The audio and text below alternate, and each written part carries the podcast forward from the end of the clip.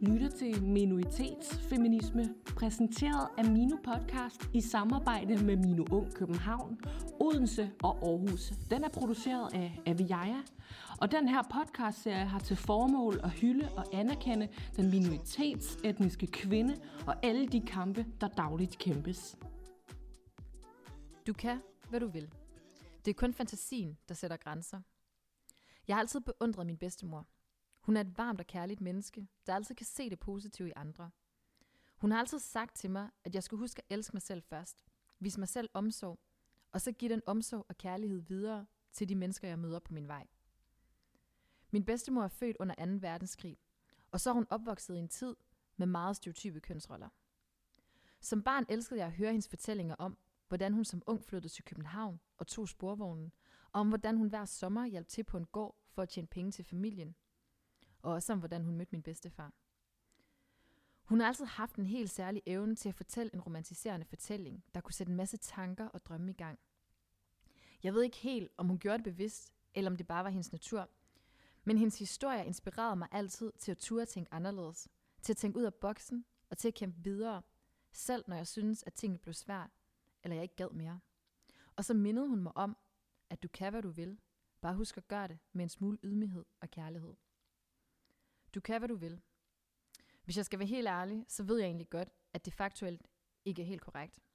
Eller, en tur på gymnasiet og universitetet har i hvert fald fortalt mig, at jeg kun kan, hvad samfundet vil tillade, at jeg kan.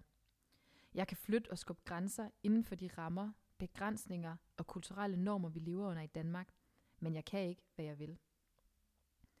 Kvinder har gennem årtier kæmpet for lige rettigheder. Almene ting som stemmerettigheder, mulighed for at gå på arbejde, retten til at bestemme over egen krop og lige løn. Min bedstemor fortalte mig om, hvordan hun i skolen blev slået, fordi hun ikke kunne svare på et spørgsmål, som læreren stillede hende. Og om hvordan flere af pigerne måtte gå glip af undervisningen, fordi de havde deres menstruation og ikke havde adgang til bind. Og om hvordan lærerne udstillede dem i klassen, hvis de var blødt igennem. Hun fortalte mig aldrig den slags erindringer, for at jeg skulle få min lidenhed med hende, men for at vise mig, at det vigtigste er, hvad jeg i sidste ende tænker om mig selv, hvad jeg gerne vil opnå, og hvad jeg vil acceptere fra andre. Og selvom det var en anden tid, og det var lovligt for lærerne at slå sine elever, så er det alligevel rigtig vigtigt at huske på, at det altså ikke er særlig mange år siden, og at det for nogle piger stadigvæk er virkeligheden. Fra min bedstemor tæller jeg tredje generation, og alligevel i 2021 er jeg stadigvæk ikke ligestillet med min generationsfælder af det mandlige køn. En undersøgelse fra FN viser, at 90% af verdens befolkning har mindst én fordom mod kvinder – som diskriminerer i så høj en grad, at det faktisk har konsekvenser for kvinders karrieremuligheder, for kvinders ret til at bestemme over egen krop, og kvinders generelle helbred og uddannelsesmuligheder. Og jeg kunne faktisk blive ved, for listen er rigtig lang. Min bedstemor er fra 1940. Hun er lige så gammel som Danmarks dronning, og så har hun været vidne til massive samfundsforandringer. Jeg er opvokset i en tid, hvor der aldrig har været mere fokus på ligestilling, og hvor vi i tale sætter, at vi formelt set har ligestilling mellem mænd og kvinder, og alligevel er jeg stadig så langt fra at være ligestillet med det modsatte køn. Faktisk er jeg altid to skridt bagefter. Ikke alene på baggrund af min etnicitet, men på baggrund af mit køn.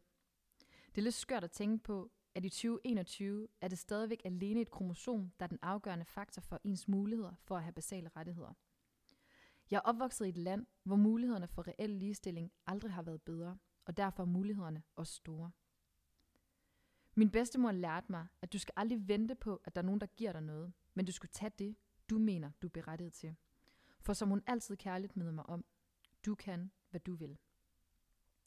For hver generation har vi muligheden for at skubbe til og ændre på nogle af de rammer og kulturelle begrænsninger, vi er opvokset med, og som vi er set udført af vores forældre, bedsteforældre og deres omgangskreds, og som vi nogle gange også selv kommer til at udføre. Min bedstemor har lært mig, at som så mange andre kvinder før hende, havde hun et ansvar for at give mig de bedst mulige betingelser, for at jeg kan, hvad jeg vil. Og min egen generation har lært mig, at vi sammen kan udfordre nogle af de normer, der holder os tilbage fra at opnå lige løn, indtræde i topposter og undgå at blive kaldt billig, fordi man har en kort nederdel på, eller at blive kaldt for perkerluder, fordi man har et tørklæde på.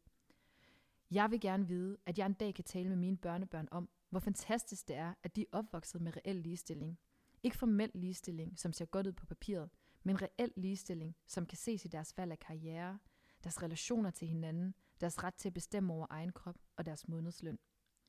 Så når jeg engang er gammel og kigger i børsens avis og ser en liste over folk på de forskellige erhvervstopposter i Danmark, så ser jeg både mænd og kvinder, og også de mænd og kvinder, der har lidt ekstra kulør. Min generation og yngre generationer viser hver dag mig og andre, at det at være omsorgsfuld og hjælpe andre til at opnå deres fulde potentiale, det er ret badass. For som min bedstemor sagde, så kan vi, hvad vi vil. Glædelig kvindernes kampdag.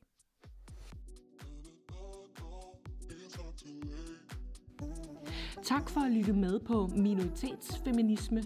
Vi udgiver et nyt afsnit hver dag i marts måned, så ind og følg med på Spotify og Apple Podcasts. På genlyt!